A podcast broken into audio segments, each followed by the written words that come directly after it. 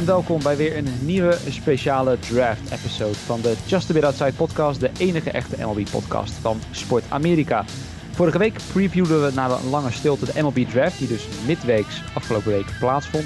En de reden waarom we in die aflevering, als je die hebt geluisterd, toen zeiden dat we niet alles specifiek naar het team gingen makken, was omdat het natuurlijk vanwege de coronacrisis een vrij bijzondere draft leek te gaan worden. En dat werd het ook wel, kunnen we stellen. Veel verrassingen. En ik, Justin Kevenaar, ga daar samen pick voor pick en team voor team naar kijken. Samen met onze draft analyst Jasper Roos. Zo, nou, ik heb, ben weer bijgekomen hoor. Dat was wel even een dingetje. Precies, precies. En dan natuurlijk ook met Mike van Dijk. Hoi, Justin.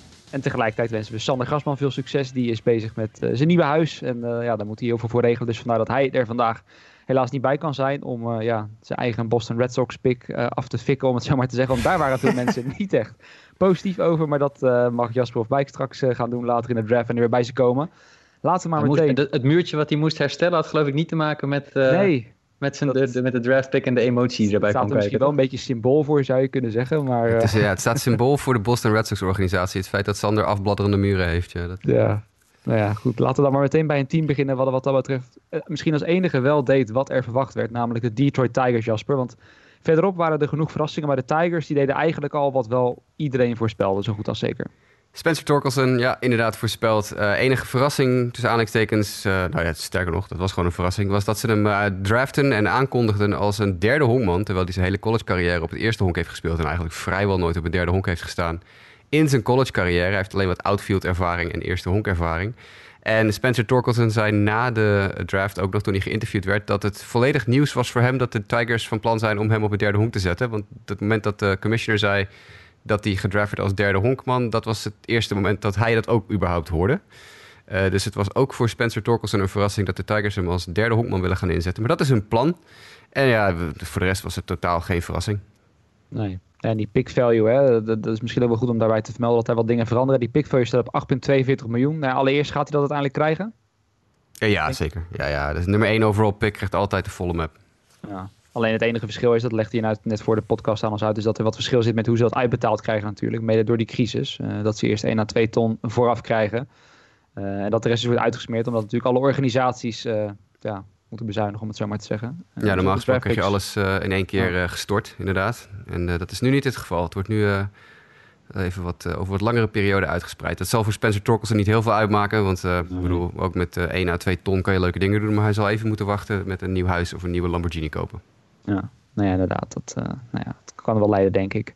Verder hebben we dan denk ik opvallend, zal dan ook nog wel in de tweede ronde kozen ze natuurlijk ook weer vroeg. Hadden ze nog een andere jongen die we wel van de week natuurlijk hadden besproken, Dylan Dingler.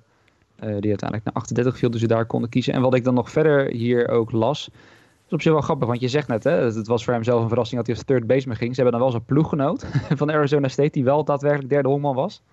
Engage Workman zie ik gepakt in de vierde ronde. En ook nog een derde honkman uit high school in Keith Cold, of Cold Keith, zie ik hier, goede naam trouwens. Uh, die heeft getekend bij Arizona State. Of daarheen zou gaan als hij naar de Tigers gaat. Dus, ja, uh, nu niet meer inderdaad. Hij gaat nee. nu waarschijnlijk uh, naar de Tigers toe, vermoed ik. Maar ja, ze zijn dus blijkbaar heel erg Arizona State heavy gegaan, de Tigers. Wel leuk voor onze vaste luisteraar en uh, Twitter-communicatiefiguur Noppes. Ed Noppes op Twitter, dat is een Tigers-fan. Met wie ik regelmatig op Twitter van gedachtenwissel over de stand van zaken in de AL Central. Die de dag van de, de eerste ronde al zei dat hij hoopte dat de tweede ronde Dylan Dingler dat was de tweede ronde pick van de Tigers, dat die gekozen zou worden. Dat gebeurde dus ook. En uh, toen deden de Tigers daar in de competitive balance ronde B ook nog een keer Danny Cabrera van LSU overheen. Wat ook echt een heel erg interessante pick is. Dus de Tigers hebben echt een ontzettend goede draft ge ge gehad. En die zijn, en zoals ik volgens mij ook al voorspelde in de podcast uh, vorige week, uh, heavy gegaan aan de positiespelers. Omdat hun pitching in de minor league prima is, maar de diepte in de positiespelers buiten, gewoon slecht is. Dus ze hebben uitsluitend positiespelers gedraft. Een derde honkman, uh, twee derde honkmensen, drie derde honkmensen, een korte stop, een outfielder en een catcher. Ja. Goed, aan de andere kant, ik geloof qua pitchers zit dus ook best wel goed natuurlijk, hè, toch? Zeker, dus... ja, zeker. Ja, die hebben een bak, baklading aan, uh, aan goede jonge werpers. Ja, is niet goed als dat allemaal uh, uiteindelijk uh, zijn potentie behaalt. Dan zie je wat dat betreft de toekomst voor de Tigers, zeker met deze picks erbij, er denk ik heel rooskleurig uit. Um, nou goed, zoals we dus zeiden, Torkelson naar de Tigers, dat was eigenlijk een beetje datgene wat iedereen aan zag komen.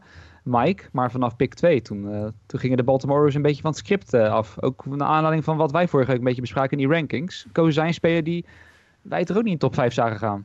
Ja, nee, dat, uh, dat hadden we zeker niet, uh, niet voorzien. En eigenlijk niemand. Vanaf deze, vanaf deze pick was het echt gewoon van... oké, het hek was van de dam en uh, het feest kon beginnen. Maar Houston Kierstad, die als nummer 10 gerankt was in de, in MLB-pipeline... werd gekozen door de Baltimore Orioles. Ja, dus dat was een, vrij verrassende pick. Maar tegelijkertijd valt hij ook weer vanuit Orioles perspectief een beetje te, te begrijpen. zijn swing is echt gemaakt volgens de, de kenners voor het stadion van de Orioles... En wat zij later op de draft ook hebben gedaan, eigenlijk hebben ze de eerste twee, drie rondes vooral spelers gekozen die veel lager gerankt stonden dan, dan waar ze eigenlijk de pick hadden.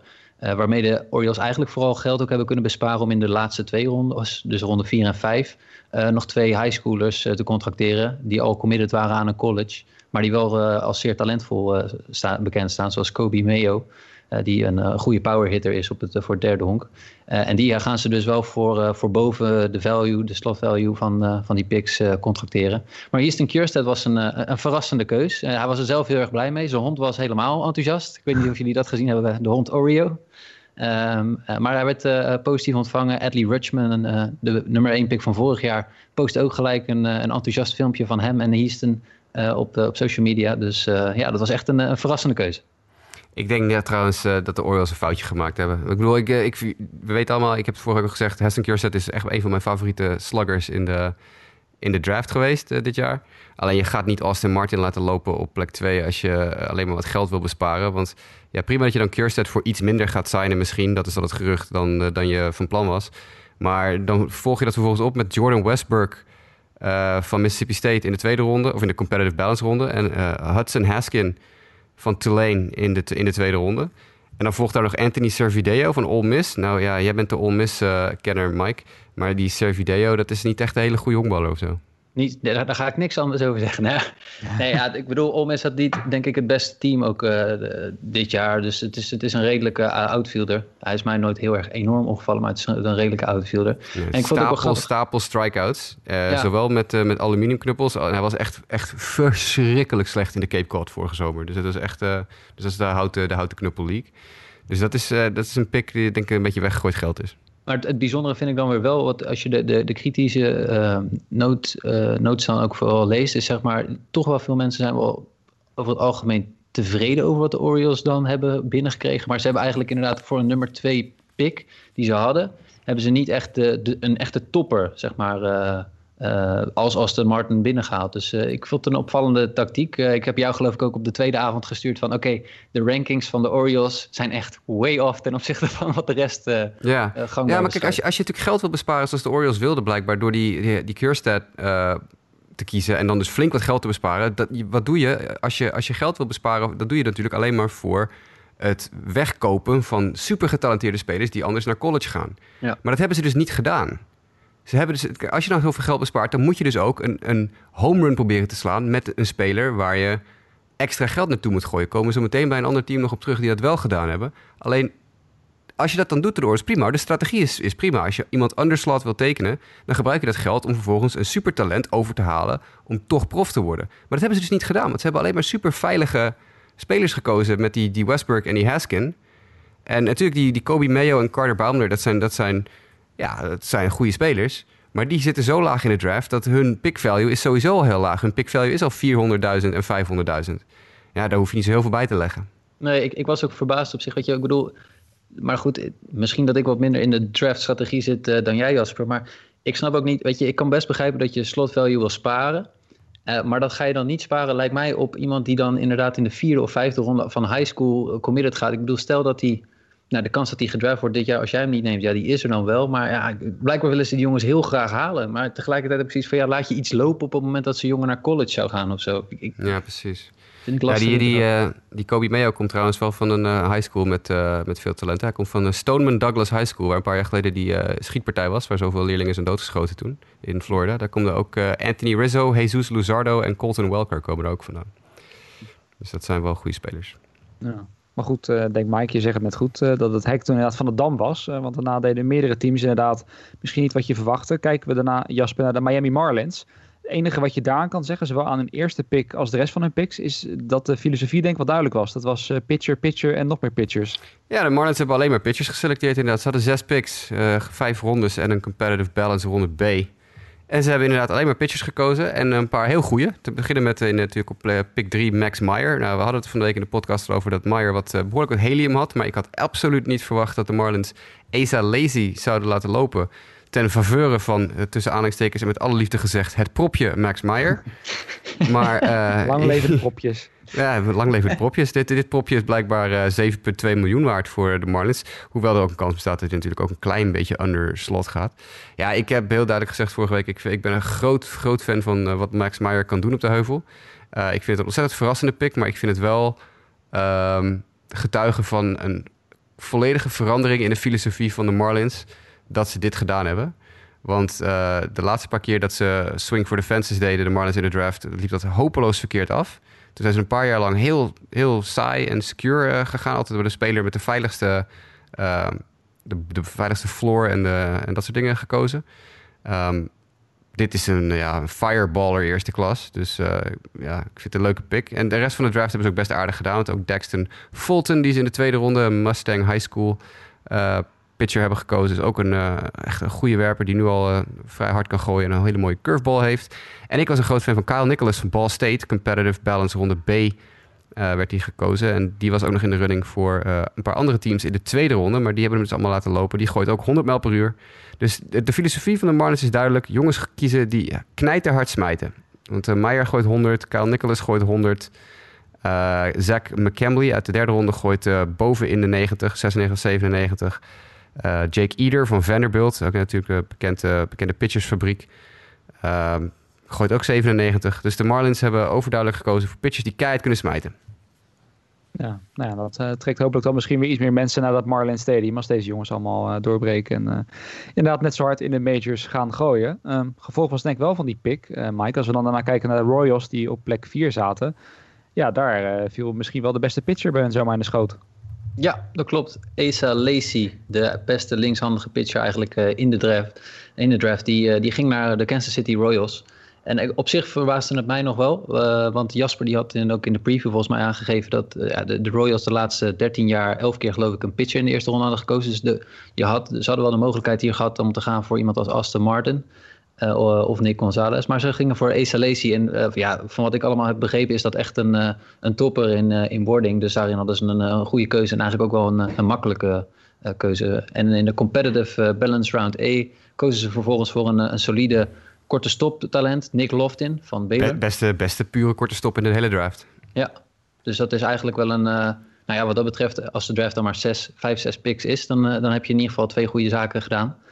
Um, verder kozen ze nog voor, voor Ben Hernandez, een pitcher van De La Salle Institute. Uh, Tyler Gentry, een outfielder van, uh, van Alabama. Christian Chamberlain, nog een pitcher van Oregon State. En ook nog Will Klein, nog een pitcher erbij. Dus eigenlijk van, uh, van, de, ja, van de zes picks hebben ze er vier pitchers bij gehaald. Dus het moet wel interessant worden de komende jaren hoe de pitching zich gaat ontwikkelen in, in Kansas ik vind het echt een waanzinnig goede draft. Ik, ja, ik, ik, mag het niet zeggen, want ik moet natuurlijk. je hoopt altijd dat de teams die in je divisie zitten heel slecht draften. Maar de Tigers hadden een goede draft en de Royals hadden een waanzinnige draft. Want ik bedoel, Asa Lacey is misschien wel gewoon de beste pitcher in de draft. Ja, goed, de Marlins laten hem lopen. Dat is hun loss. Een lefty die 98 mijl per uur gooit met zo'n curveball, die moet je eigenlijk niet laten lopen. Uh, dus ze krijgen en de beste pitcher in de draft. Gooi dan inderdaad die Nick Lofton er nog achteraan... wat misschien wel de beste pure defensieve korte stop in de hele draft is. Ik ben een groot fan van Ben Hernandez. Die change-up van Ben Hernandez is waanzinnig. En dan gooien ze nog inderdaad die Gentry, die Chamberlain en die Klein. En die Klein die gooit ook gewoon 100 mijl per uur. Dus je kiest in de vijfde ronde nog even een reliever... die uh, alleen maar 100 mijl per uur loopt te pompen. Allemaal college jongens. Ja, dit is uh, behalve natuurlijk Ben Hernandez... maar de rest zijn allemaal college, college jongens. Allemaal juniors, fourth year juniors. Dus allemaal wat, wat aan de oudere kant. Oudere, tussen aanhalingstekens. Uh, jongens die waarschijnlijk niet al te lang uh, bij de majors vandaan zijn. Waanzinnig goede draft van de Royals. Ja, goed. En de keuze dus van eerder van Kierstead naar de Orioles en Maya naar de Marlins zorgde er dus voor dat onder andere Lacey in dit geval misschien één plekje zakte naar waar veel mensen hem hadden verwacht dat hij zou gaan. Geldt natuurlijk ook voor Austin Martin, waar we het eerder over hadden. De Orioles kozen dus niet voor hem. En ja, dan zou je het net zien, de Blue Jays, hun divisieconcurrent Jasper, die pikken hem dan wel op. En die zijn er denk ik heel blij mee.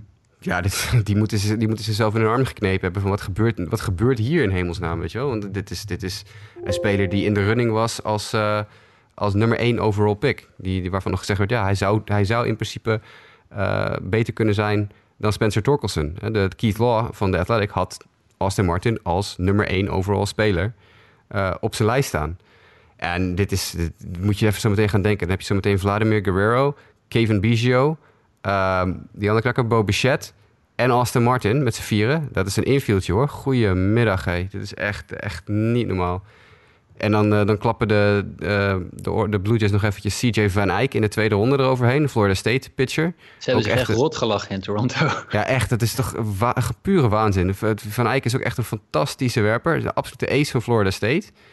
En ja, goed, bedoel, Trent Palmer, Nick Frasso in ronde 3 en 4. Ook weer oudere uh, college juniors Jacksonville en Loyola Marymount. Ook gewoon heel solide spelers. Um, Palmer is een, waarschijnlijk een reliever, maar met drie heel goede pitches is het ook gewoon meteen een goede reliever. Frasso gooit 7,98 mijl per uur. Heeft wel wat armproblemen in zijn, in zijn verleden, dus de kans bestaat dat dat niks gaat worden. Maar... En dan gooien ze nog een Zach Britton erachteraan. En dan moet je even drie keer kijken, hey, hadden we niet al een Zach Britton? Ja, we hadden nogal een Zach Britton, maar dit is weer een nieuwe van Louisville. Die was, ja, dat is een beetje een wildcard. In dat kader hebben we straks nog wel een leukere grap, toch? Dat denk ik ook wel, ja. Spoiler. Nee, we, ja, je moet dat een beetje teasen. Een beetje teasen. Ja, ja, ja. Nou goed, dan door naar de Seattle Mariners. Um, ja, Mike, die kozen denk ik uiteindelijk ook wel voor een speler die wat dat betreft een beetje in de schoot uh, werd geworpen, toch? Nou ja, wat vond jij ervan? Emerson Hancock was de first round pick. Jij als, als semi-Mariners fan, heb jij nog een, een, een, een, een take ah, on ik, ik moet zeggen dat ik zou zeggen dat ik in ieder geval wel, wel tevreden mee ben. Ik denk op die plek en ja, kan, kan ik er prima mee leven. Ja, ze wilden hem ook heel graag hebben. Ze wilden hem heel graag hebben. Hij stond echt al weken bovenaan hun lijstje. Ja, en deze, deze, dit was eigenlijk ook eh, echt typisch iemand die al inderdaad weken op deze plekken met deze club eigenlijk wel gelinkt werd. Dus dit was een stukje rust in de eerste team pick, zeg maar. Toch iets wat een beetje ging zoals mensen hadden verwacht, ja. Ja, nou, en die Emerson Hancock was ook al in de running tot, tot begin van dit jaar als potentiële eerste ronde pick. Nou ja, toen ja. heeft hij een ja, dat is een beetje een paar plekjes afgezacht. Maar iedere speler die je kan draften die ooit in de running is geweest voor een eerste overall pick, dat is, gewoon, dat is een win. Ja, nee, precies. Dus daar, daar zit zeker wat in. Daar hebben ze een goede pick in gemaakt. Verder hebben ze in de tweede ronde uh, Zach DeLoach, ik denk dat je het zo uitspreekt, DeLoach van Texas A&M, een outfielder gehaald, die best redelijk uh, goed kan, uh, kan hitten. Ehm, verder hadden ze nog in een compensation round pick met Connor Phillips, een pitcher uit McLennan CC? Ja, ik Community College. Community College, sorry. sorry. Hij, is, hij is een Juco, Juco-speler. Yes. Uh, toen was er een beetje een verrassing ook wel Caden Polkovic van Oklahoma State, de tweede honkman die ze bij hadden. Tyler Keenan van Ole Miss, ja, die ken ik dan weer een klein beetje beter. Uh, is een redelijke, redelijke speler van, die op derde honk speelt. En Taylor Dollard, uh, nog een pitcher van Cal Poly.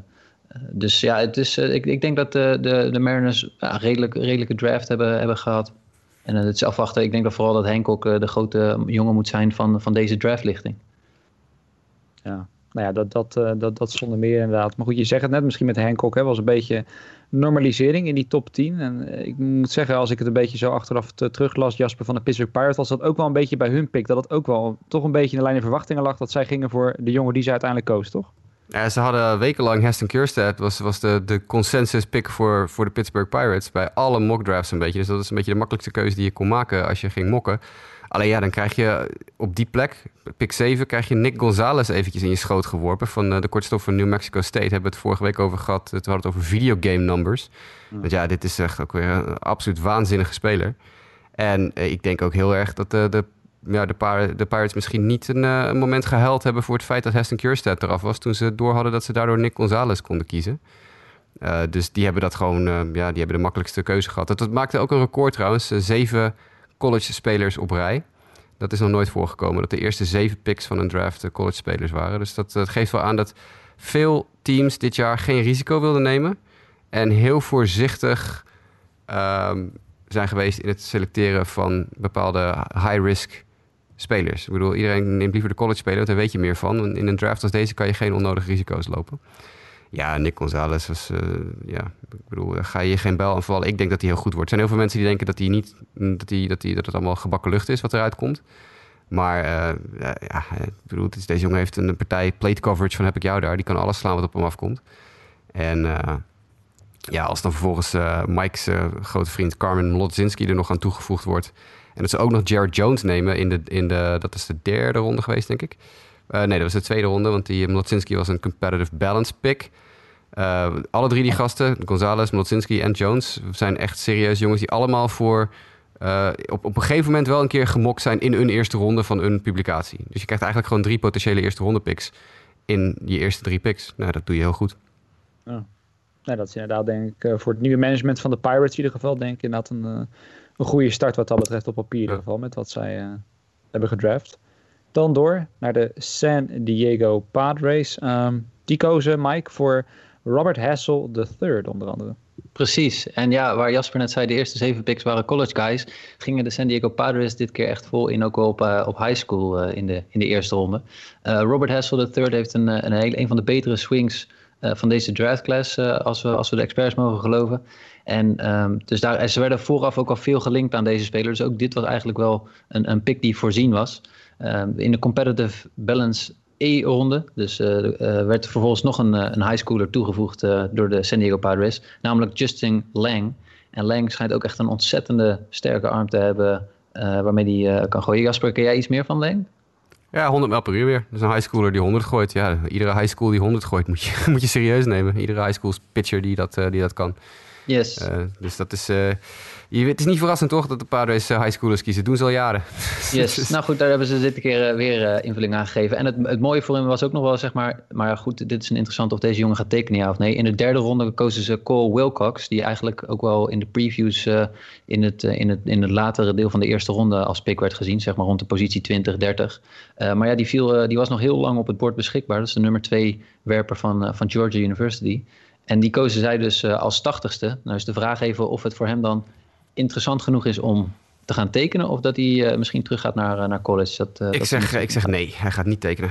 Ja, daar is nog geen nieuws over, maar ik, ik, dat, mijn voorspelling is dat Cole Wilk ook zegt... jongens, het is prima, ik ben een sophomore op dit moment. Ik ben een tweedejaars student. Ik heb nog twee jaar eligibility in college voor mijn neus. Ik word nu al hartstikke hoog ingeschat. Ik ga lekker nog een jaartje als de ace van Georgia. Nu Emerson Hancock weg is bij Georgia... is Cole Wilcox komend seizoen de ace van, van de Bulldogs. Uh, die pick value voor plek 80 is 700.000 dollar, 767.000 dollar. Daar gaat hij echt niet voor tekenen. Volgend jaar kan hij miljoenen pakken. Hmm. Nou ja, dat wordt dan nog interessant inderdaad om te volgen. Want eh, ik zat inderdaad net die lijst door te nemen. Nou ja, wat je net zegt, Mike. Wij hadden hem afgelopen week nog besproken. Aan het einde van de eerste ronde. En uiteindelijk dan zo laag te gaan, dat kan hem inderdaad denk ik wel aan het uh, denken zetten. Vooral gezien de situatie bij Georgia. Dan door naar pick nummer 9. En dan komen we bij Zach Veen uit. Die zit in de Colorado Rockies. Hè. De man met, zoals Mike vorige keer zei, ontzettend veel zelfvertrouwen. Die in ieder geval niet twijfelt aan zijn eigen kunnen. Hij mag nu naar Colorado. En Jasper, dat was misschien ook iets lager dan men had gedacht, toch? Ja, hij is zelfs uh, top 4 ingeschat naar de Royals. En toch uh, zakt hij dan uiteindelijk naar plek 9. En dat komt dus denk ik allemaal door die rush op college spelers. Dat mensen toch het risico niet willen lopen dat je nu een high schooler kiest in juist deze draft. Waar je niet uh, mee uit de voeten kan. Maar ja, als je dan kijkt naar het feit dat de Rockies in hun eerste drie picks Zach Veen, de beste high school outfielder. Uh, beter, hij is beter dan Robert Hassel uh, in mijn optiek. En die een eh, plek eerder ging dan hij. Catcher Drew Romo en werper Chris McMahon, die we ook nog besproken hebben in de preview van de week, hebben gekozen.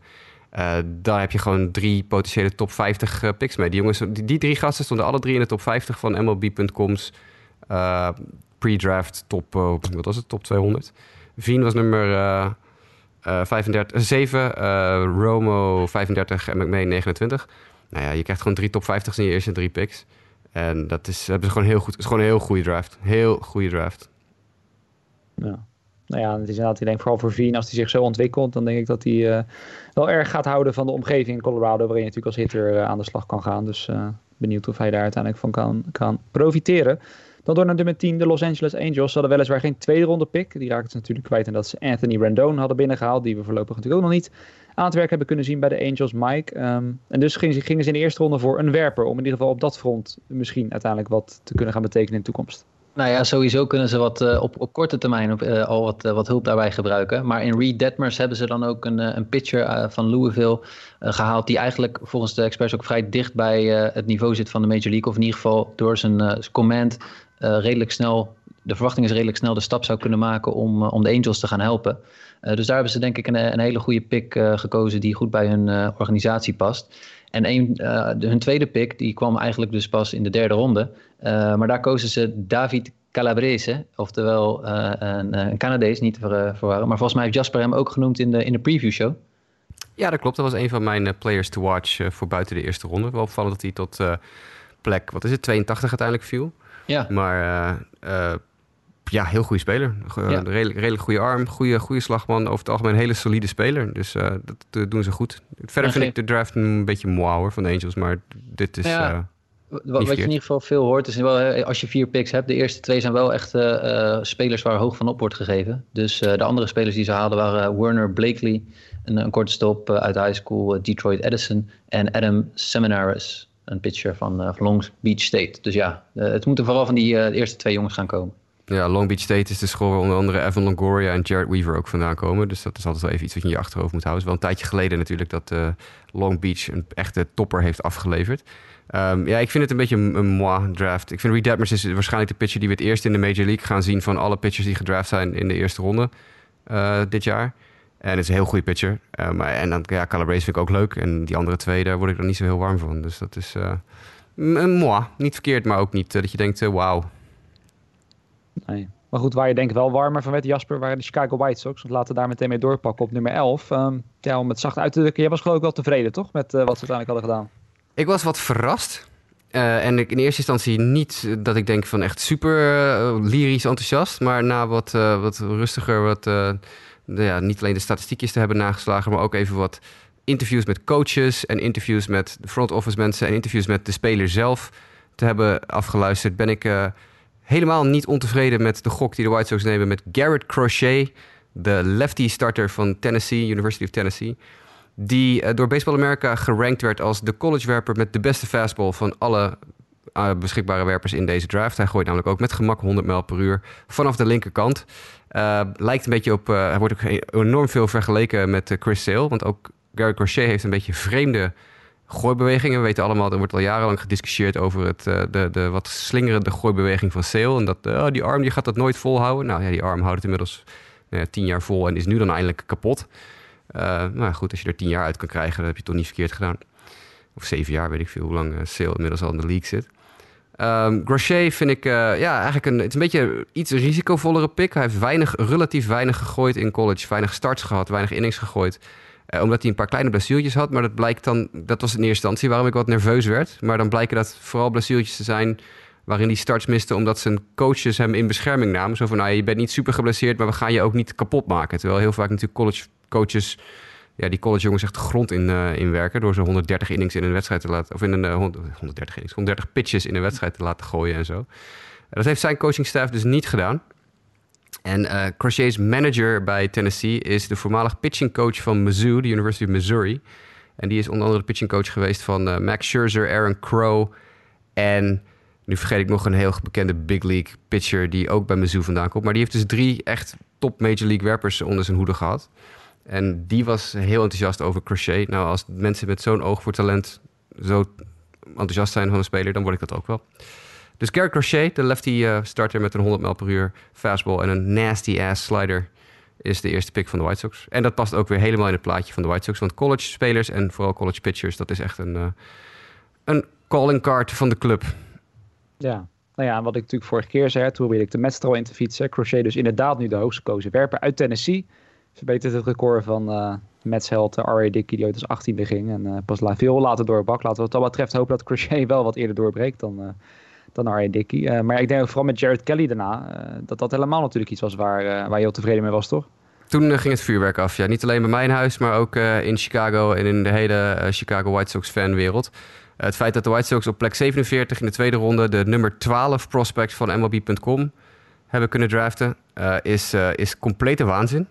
Uh, is heel grappig hoe dat in zijn werk gaat. Ik heb dus, dankzij de contacten die ik heb bij die Amerikaanse site waar ik voor schrijf, daar zitten wat jongens die binnen de White Sox contacten hebben. En binnen vijf minuten nadat die draft pick duidelijk was, hadden wij de vader van Jared Kelly al gesproken. Of niet wij, wij niet, ik niet. Maar mijn editor bij die site heeft echt direct na die draft telefonisch contact gehad met de vader van Jared Kelly. En wij wisten dus al binnen vijf minuten dat er ook al een deal was. Want normaal gesproken zeg je, ja, Jared Kelly is de nummer 12 gerankte prospect... en hij wordt nu op 47 gedraft. Waarom zou die tekenen? Uh, want dan gaat hij toch lekker nog een jaartje naar college zo meteen... of twee jaar naar college en dan komt hij nog over twee jaar terug... en dan is hij een first overall potentiële pick. Maar nee dus, de White Sox hebben nadat Jared Kelly de hele eerste ronde niet gedraft werd...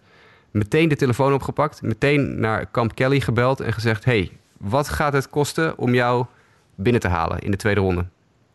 En, nou, toen is er een afspraak gemaakt. En toen hebben de, de ouders of de zaakwaarnemer van Kelly gecommuniceerd naar alle andere teams. We hebben een deal met een team. Het heeft geen zin om hem te draften, want hij, hij accepteert een deal niet, want we hebben al een overeenkomst.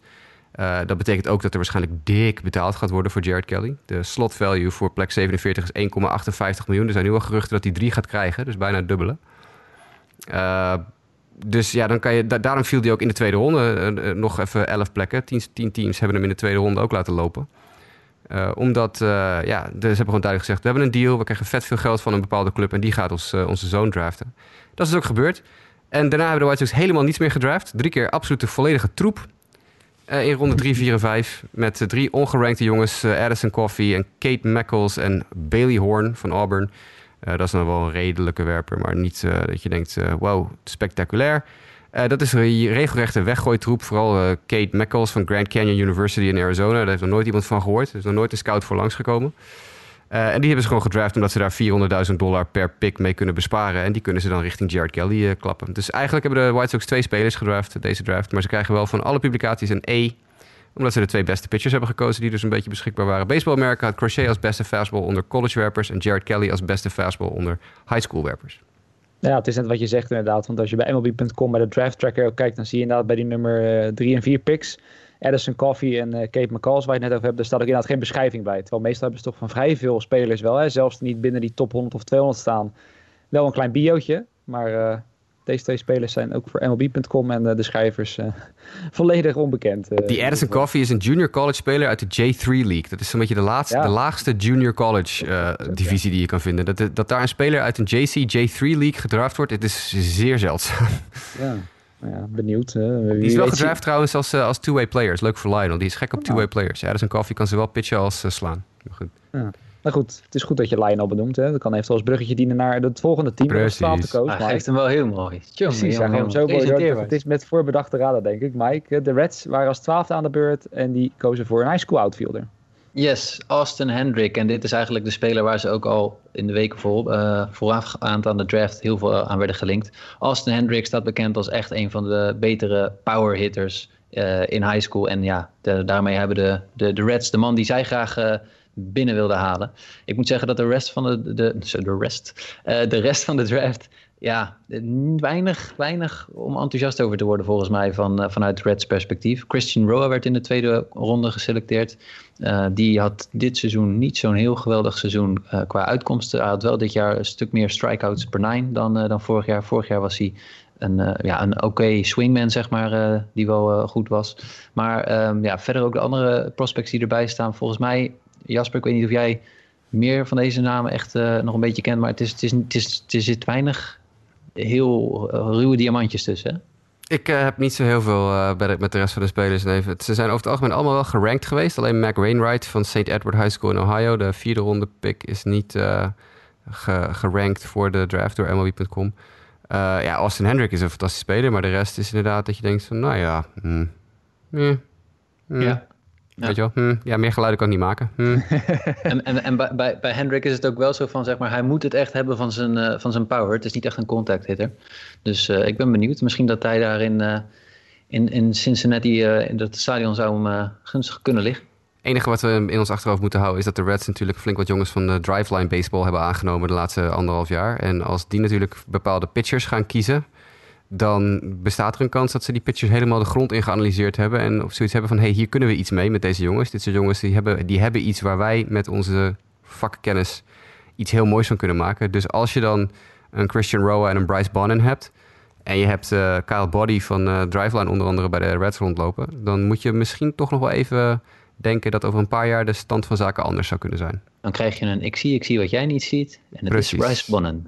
Ja, precies. nou ja dat, ja, ja, dat is, ja, dat is precies hoe het is.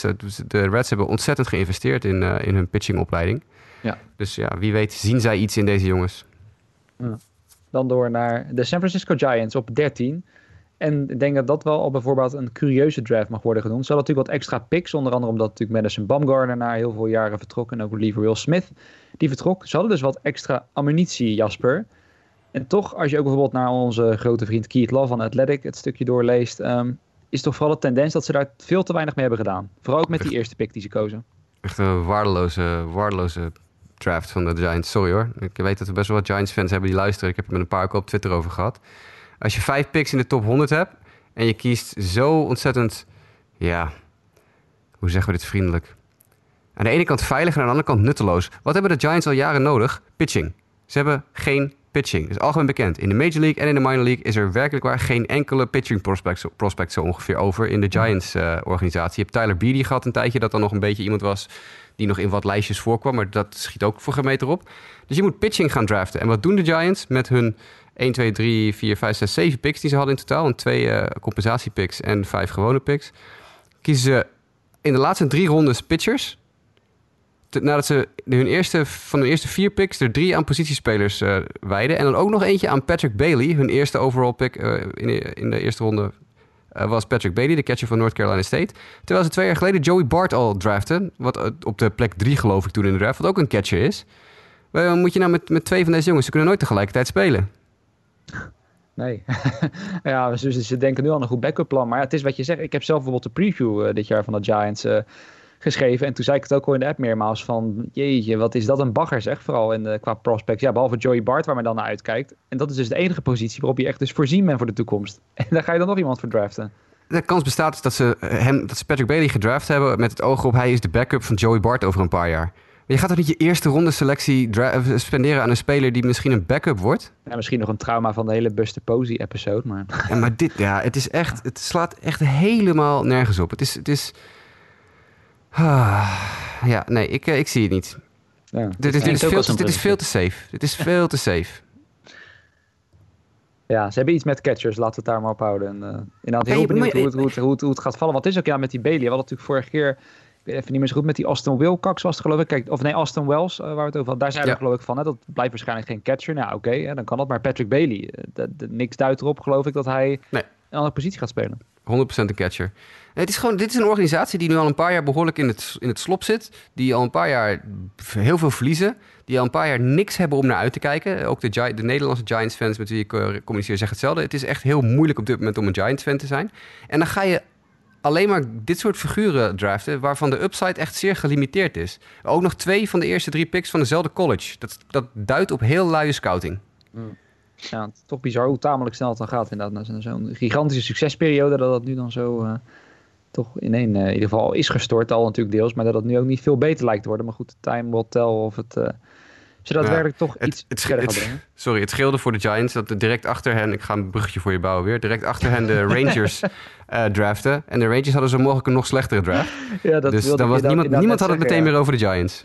Dat ik dat ook, dus had ik aan te denken als bruggetje richting Mike. Ja, dat is misschien één team dat gelukkig nog inderdaad net iets slechter bezig was. In ieder geval volgens de vele analytici die daarna hun stukken schreven. En dat waren de Rangers inderdaad op plek 14.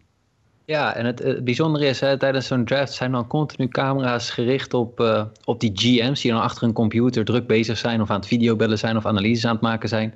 En je vraagt je af of de GM van, uh, van de Texas Rangers niet gewoon een potje patiënt zat te spelen of iets dergelijks, uh, van wat ik heb begrepen. maar ja, in de eerste ronde kozen zij met de nummer 14 pick Justin Foscue. Zeg ik het zo goed, Jasper? Ja, Foscue. Foscue. Tweede honkman van Mississippi State, die uh, een, uh, ja, best redelijk kan, uh, kan slaan. Ook wel wat, wat, wat power heeft voor een, voor een tweede honkman. Maar die eigenlijk qua ranking eerder verwacht werd gekozen te worden in de tweede ronde dan in de eerste ronde. En in de tweede ronde, ja, dan verwacht je toch het, dat er dan een soort van misschien een. Ja, dat ze een wat, wat kritische kijken van: oké, nu moeten we echt een goede pick maken. En toen kozen ze Evan Carter, een outfielder van Elizabethton High School in Tennessee. En ik heb begrepen dat deze speler niet in de top 500 van Baseball America's prospect stond. Niet in de top 500. Weet je hoeveel spelers 500 spelers zijn? En dan draft je in de tweede ronde een speler die niet in de top 500 staat. Wat? Ja, uh, misschien waren ze bang dat de Phillies hem daarna gingen kiezen. Ik weet niet. Uh. Wat? ja. Echt, jongen, fuck. Die, maar goed, ja, daar, houdt het eigenlijk ook niet op. Hè? Nee, nee, deed dat het maar, ja. Ja, want toen was het, uh, nou ja, als we één highschooler hebben, laten we er nog eentje nemen die niet zo hoog gerankt is. Toen kwam Tekoa Roby, uh, of Robbie, die overigens geloof ik best wel een aardige, een aardige werper is, uh, maar met die een, geloof ik een aardige curve heeft. Maar ook hij stond verre van gerankt in een top 100 of wat dan ook, verder buiten. En Dylan McLean, eigenlijk hetzelfde verhaal, nog een pitcher uit high school, die meer richting de 200 dan, dan de plek 115 gerankt was. En ja, toen sloten ze het af met, met Thomas Segese, Segese zal het zijn, een korte stop. Maar ja, eigenlijk, ja, je vraagt je af of ze, of ze proberen echt. Ja, ik, ik, ik weet niet wat er eh, daar bezig is geweest in die, in die drive-thru. Maar er is gewoon heel raar. Ze hebben een apart keuzebeleid bij de Texas Rangers, zeg maar. Dat je met deze spelers aan komt zetten. Of zij zien echt dingen die wij echt allemaal totaal niet zien. Nou, de Rangers die, die zijn regelmatig al in drafts, recente drafts, eh, aparte dingen aan het doen geweest. Het heeft niet allemaal gewerkt. En dan die Justin Foscue, hun eerste pick. Er zijn wel dingen in hem waarvan je denkt, oh, dat is best een interessante speler. Hele hoge exit velocities bijvoorbeeld. Uh, alleen, ja, ik bedoel, uh, al zijn, power zit naar het linksveld. Hij kan totaal niet sprayen naar all field. Nou dat gaat in de Major League ook gewoon uh, alleen maar inside fastballs worden. Die gaat dat nooit meer kunnen, te boven kunnen komen. Dit is gewoon een jongen die, die een ronde, twee rondes te vroeg is uh, gedraft. Zijn, zijn teammate Justin Westberg, van, die de Orioles gekozen hebben in de tweede ronde, geloof ik. die is misschien nog wel de betere van de twee. En die wordt dan ruim, ruim na hem gekozen. Ja, maar goed, ook, ook die, die, die picks die ze dan later hebben gemaakt. Weet je, het is niet dat ze uh, matig zijn. En er zit hier en daar echt wel talent in. Maar het is meer van waarom zou je voor dat risico en die speler op, deze moment, op dit moment kiezen. Terwijl je ook nog wat tijd hebt om, uh, uh, om deze spelers misschien of later te selecteren. Of in ieder geval iemand die meer, meer talent lijkt te hebben. Volgens General Consensus. Dus ja, ja succes in Texas. Prettige wedstrijd. Ja. ja. Dan door naar Philadelphia. Jasper die dacht uh, waarschijnlijk wat gepruts van uh, de Giants en de Rangers. Van nou ja, dan kiezen wij ook al wilden we. Hè, er was voorafgaand gesproken dat ze waarschijnlijk geen pitcher gingen kiezen. Vooral geen high school pitcher. Maar dat ze toch dachten van nou, als, als deze jongen die ze daarin kozen nog op het bord is, dan pakken we die maar wel gewoon.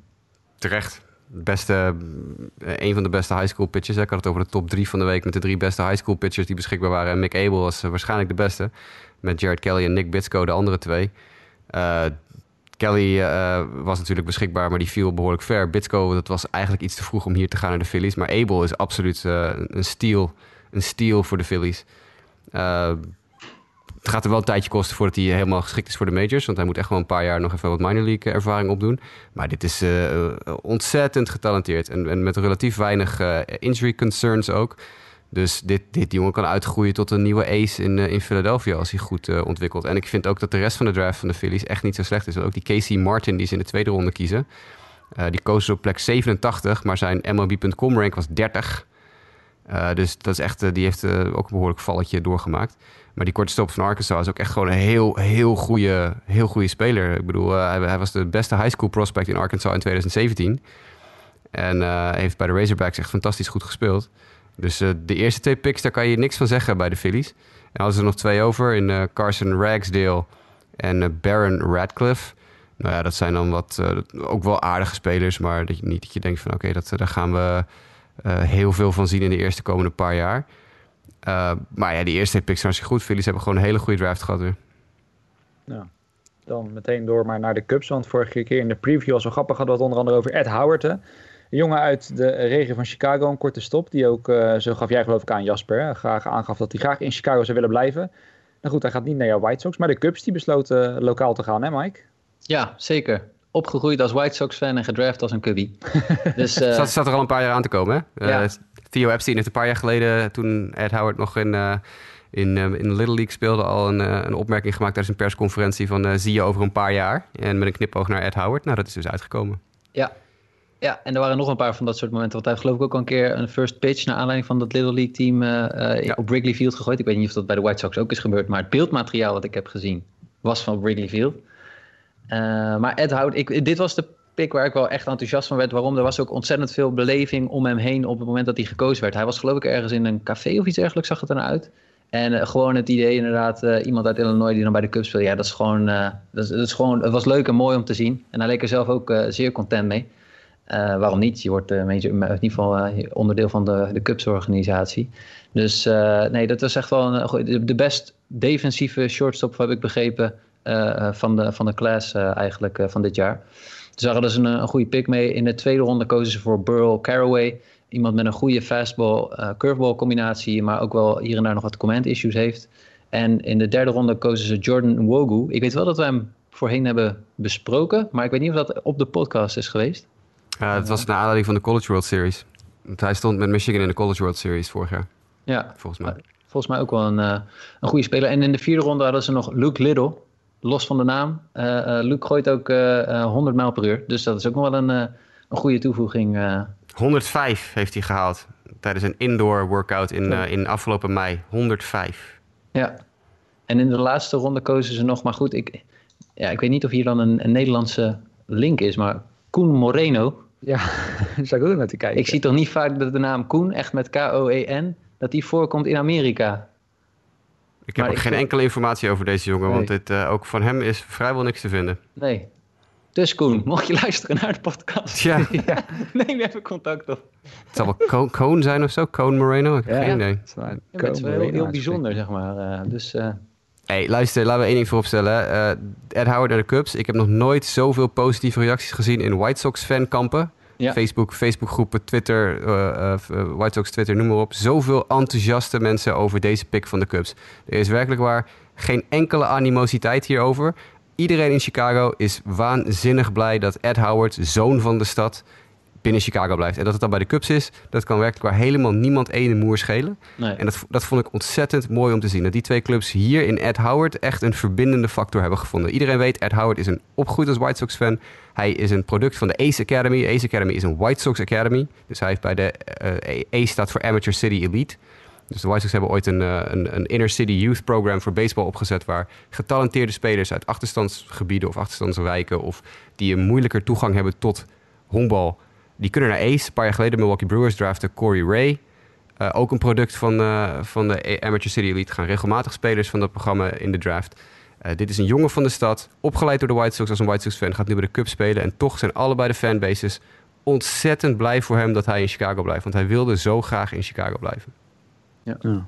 Goed, nog even terugkomen op Koen Moreno. Ik heb even zitten kijken, maar ja, lijkt gewoon geboren in uh, North Carolina. Dus ik kan niet zo snel een link vinden. Ik zie wel dat er een YouTube-kanaal is van ene Koen Moreno. Maar dat is een, een grote kale man die, uh, uh, ja, wat lijkt het, Nederlandse hitjes maakt.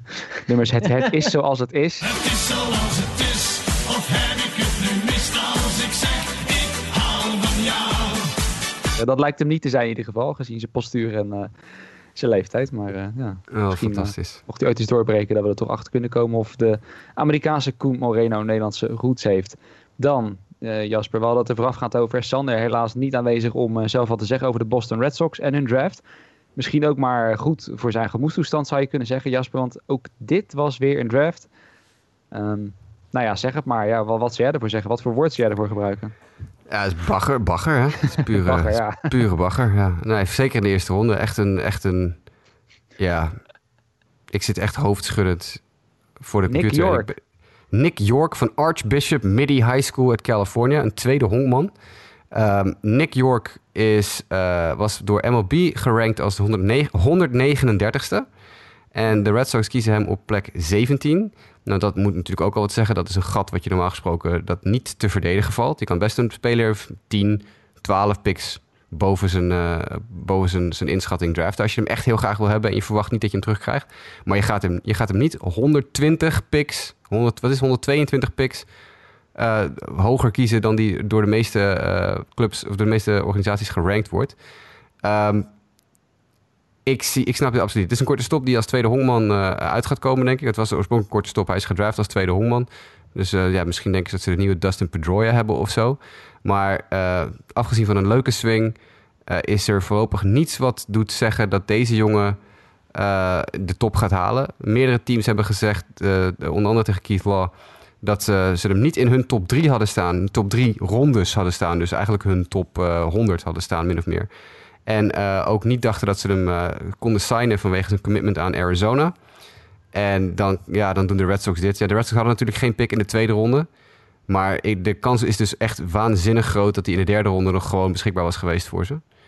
Dus ik, ik begrijp hier niets van. En ik vind het uh, een vrij risicovolle, ik wil, ik niet zeggen dom, maar een vrij risicovolle keuze voor nieuwe GM.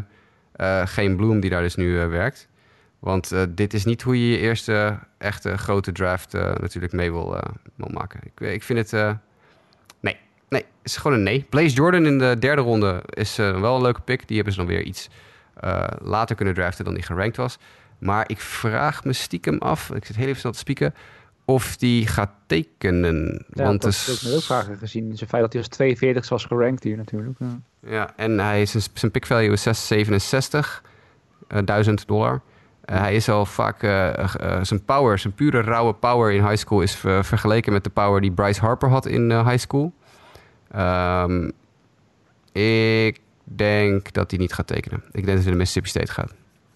Ja, maar ja, maar dus goed, aan de andere kant, je, je kan er ook vanuit gaan dat clubs niet een speler draften in de derde ronde als ze niet zeker weten dat ze hem kunnen draften. Dus misschien hebben ze een dealtje met hem gesloten, dat weten we op dit moment nog niet. Maar ik zou, als ik hem was, misschien niet tekenen en gewoon lekker twee jaar bij Mississippi State gaan honkballen. En dan over twee jaar een eerste ronde pick in de draft zijn en eh 6 miljoen pakken in plaats van 600.000 dollar. Nou ja, maar met Nick York, je gaf het net aan, ze hebben natuurlijk niet die tweede ronde pick. Ik neem aan dat dat dan een soort toch ja, in paniek raken was of zo. Of in die zin van dat ze hem heel graag wilden en gewoon bang waren dat ze hem dus niet op, eh, in de derde ronde konden nemen. Doe een andere Ja, verklaring. Moet je, moet je nu afwachten. Dus over, over zes jaar is Nick York eh, ehm, al viervoudig All-Star of zo, weet je wel. Nou, Ja. zit ik ook je- een keer naast. En, dan- en dan hebben we jou on record dat je zegt bagger. Ja, ik, nou, ik, nee, ja misschien de, de speler zegt me niet zoveel, maar ik vind het voor, puur strategisch gezien echt een onbegrijpelijke selectie. Ik bedoel, je gaat niet iemand, wat ik al zeg, 122 plekken boven zijn ingeschatte waarde. eh, En, en Keith Law was er nog veel minder enthousiast over. Die had hem nog veel lager staan. En Baseball Merken volgens mij ook. Dit is nog de hoogste ranking was van MLB, 122 plekken verschil. Sorry, ik zie dat echt niet. Heb je wel eens zo'n moment gehad dat je zeg maar, in je fantasy draft zat en dat je muis toevallig naar de speler had aangeklikt en dan was in één keer je beurt en je klikte op draft now en dat bleek Nick York te zijn, zeg maar? Ja, dat heb ik wel een paar keer gehad, ja. Dat je denkt van, oh, ik ga nu, eh, weet ik veel, eh, eh, nou, Bryce Harper draften. En in plaats daarvan kies je per ongeluk eh eh, Alcides Escobar. Precies, maar goed, ja, het, het kan of inderdaad een geniale zet blijken of een, eh, een ontzettende fout of iets ertussenin. Maar goed, ik, ik, ik vond het ook zeer opzienbarend. Ik weet niet of ik dit een grotere verrassing vond dan, eh, dan wat eh, Houston, of, eh, Baltimore heeft gedaan. Ik denk het wel. Maar eh, ja, we gaan het zien. Ja, nou goed, eh zoals zeiden Sander dus misschien iets minder tevreden. Nou, jouw Diamondbacks dan, Mike, eh, die op 18 mochten kiezen. Ze kozen voor een pitcher. Ben jij wel tevreden over die pick en ook de rest van de draft? Ja, ik, eh, hoe, hoe moet je dat zeggen? Ik ben niet ontzettend enthousiast. Maar Bryce Jarvis is wel, zeg maar, we hebben hem vorige episode ook besproken, is een, is een prima pitcher waarvan ik denk van ja, dat is denk ik wel iemand die, eh, die ja, dat is niet, niet een heel hoog risico, maar ik verwacht ook niet dat hij echt een ontzettende wereldwerper gaat worden. Dus ik denk dat ze hier wel gewoon echt een, eh, een, een prima werper voor hebben gekozen. En in de ronde daarnaast had nog een eh, compensatie-pick te goed. Dus de kozen ze Slade die ook wel door Jasper geroemd werd, toch? Ja. Dus eh, daar hebben ze in ieder geval denk ik wel twee prima werpers mee, eh, mee binnengehaald. De rest van de draft was ja, prima. Liam Norris nog een werper erbij, oké. Eh met name nog wel AJ Vukovic, de, een derde honkman die echt wel een, prima bed heeft, wat ik heb begrepen. Dat is wel een, een prettige versterking dan ook. En in de laatste ronde kozen ze nog Brandon Pfaat, die mij niet verder bekend is en ook qua rankings niet zo heel erg bekend is. Maar volgens mij hebben de, de Diamondbacks wel op zich prima gehandeld naar de, naar de, ranking, naar de ranking waarin ze mochten kiezen. Zeg maar. Dus eh, ja, niet ontevreden. Ik vind Vukovic wel, eh, wel even leuk om in de gaten te houden. Vierde ronde pick uit Wisconsin. Want natuurlijk, eh, van de week zei ik al, er zijn weinig spelers uit de staat Wisconsin die er op dit moment eh, toe doen. En dat zijn eigenlijk allemaal nog minor leaguers. Gavin Luxton van de Dodgers had ik al genoemd toen. Maar ook Jared Kelenic en Dalton Varsho. Die ook al, trouwens, de Varsho speelt ook al bij Diamondbacks. Die zijn ook uit Wisconsin. En Vukovic ook. Maar dit is wel echt een, een heel leuke potentiële speler. Hij heeft, hij heeft wel heel veel moeite gehad tijdens de, de onder 18 World Cup. Waar eh, Sander het van de ook over had. Uh, maar het zit toch wel enigszins potentie in. Vind ik wel een aardige speler. En Slade Ciccone vind ik echt een, goede pick. En die is ook precies zo ongeveer gekozen waar hij gerankt was. Hij is gepikt op uh, plek 33 en hij was op 31 gerankt. Dus dat, daar hebben de Diamondbacks gewoon waarschijnlijk gekeken... hey, wie, wie is hier nog in deze regio beschikbaar? En die hebben ze gekozen. Maar is een leuke pitcher. Ja. Nou goed, Mike, ik denk hoe jij het voorde... zo had ik het ook een beetje met de New York Mets... die toen als 19 aan de beurt waren... Um, dat ja, ik ben misschien niet super enthousiast, maar wel gewoon tevreden erover. En ook over Pete Crow Armstrong, die is uiteindelijk kozen, de outfielder van Harvard Westlake High School. De school waar we het vorige week over hadden, waar onder andere ook Lucas Giolito, Max Fried en Jack Flaherty vandaan komen. Jasper, wat weet jij mij en hè, bijvoorbeeld ook onze grote vriend Dennis Jansen, ook uh, natuurlijk groot Mets-fan, nog verder te vertellen over deze draft en hoe uh, ja, optimistisch wij Mets-fans hierover moeten zijn? Nou, wat ik je kan vertellen over deze draft is dat de moeder van Pete Crow Armstrong een actrice is. die uh, in de film Little Big League, die jullie misschien wel gezien hebben, waar een, we hebben het in de movie podcast destijds ook over gehad, waar een, uh, een, een jochie van een begin, uh, weet ik veel, 10, 11, 12 jaar de Minnesota Twins erft van zijn opa en vervolgens dus de eigenaar is op 12-jarige leeftijd van de Minnesota Twins en ook de manager wordt van de Minnesota Twins. Die film, Little Big League, daar speelt de moeder van Pete Crow Armstrong, speelt ook de moeder van het jochie dat de club Minnesota Twins erft. Nou, dat vond ik een leuk weetje. Ja. Heb je niks aan als je het over analyseren van de pick nee, zelf maar hebt. is wel leuk. Maar hij heeft wel een beroemde moeder. En zeker voor honkbalfilms, als het op honkbalfilms is het toch leuk dat, je, dat deze first round pick van de Mets zijn moeder een actrice was uit een beroemde honkbalfilm. Goed, dat gezegd hebbende, Pete Crow Armstrong is een hartstikke goede speler. En ik vind het een hartstikke goede pick voor de Mets. Ik vind het ook een heerlijke, volkomen wijziging in de, de, wat de, de Mets de laatste jaren gedaan hebben. Heel vaak college pitchers gedraft in de eerste ronde. En uh, altijd heel weinig risico genomen. Pete Crow Armstrong is geen risico, maar is wel een high schooler. En dan weet je natuurlijk nooit wat daarmee uh, mee gaat gebeuren. Ik vind het een ontzettend goede pick. Goede outfielder. Uh, iemand die niet per se meteen volgend jaar klaar is of klaar hoeft te zijn. Dus hij heeft een paar jaar om zich te ontwikkelen. Vervolgens gaan in de tweede ronde de Mets weer helemaal terug op de oude tour. En gaan ze collegewerpers uh, draften. Namelijk JT Ginn. Heb ik van de week in de podcast ook al gezegd. als een speler die op mijn lijstje stond als potentiële outsider voor een eerste ronde plek of een competitive balance plek. Nou ja, hij is naar de tweede ronde naar de Mets gegaan. JT Ginn, die natuurlijk een paar jaar geleden gedraft was door de Dodgers in de eerste ronde, toen niet tekende vanwege, uh, weet ik niet meer, eigen keuze geloof ik. Ja. En uh, nu geblesseerd is geweest. Tommy John, op dit moment herstellende is van Tommy John operatie. En dus uh, nog voorlopig niet zou kunnen spelen voor de Mets. Maar wel een uh, toen al zeer getalenteerde werper. En Isaiah Green in de Competitive Balance ronde 2. Een uh, high school outfielder van de pijnlijk genoemde Corona High School in Californië. Corona Senior High School in Californië. Uh, is ook een, uh, ja, een best wel een getalenteerde speler die een enorme boost heeft gehad van een paar goede showings in area code games. Dat zijn van die, van die ja, toernooitjes die georganiseerd worden om spelers uit een hele regio bij elkaar te brengen. snelle jongen, goede, goede outfielder, goede defensieve outfielder. Aan slag iets minder goed.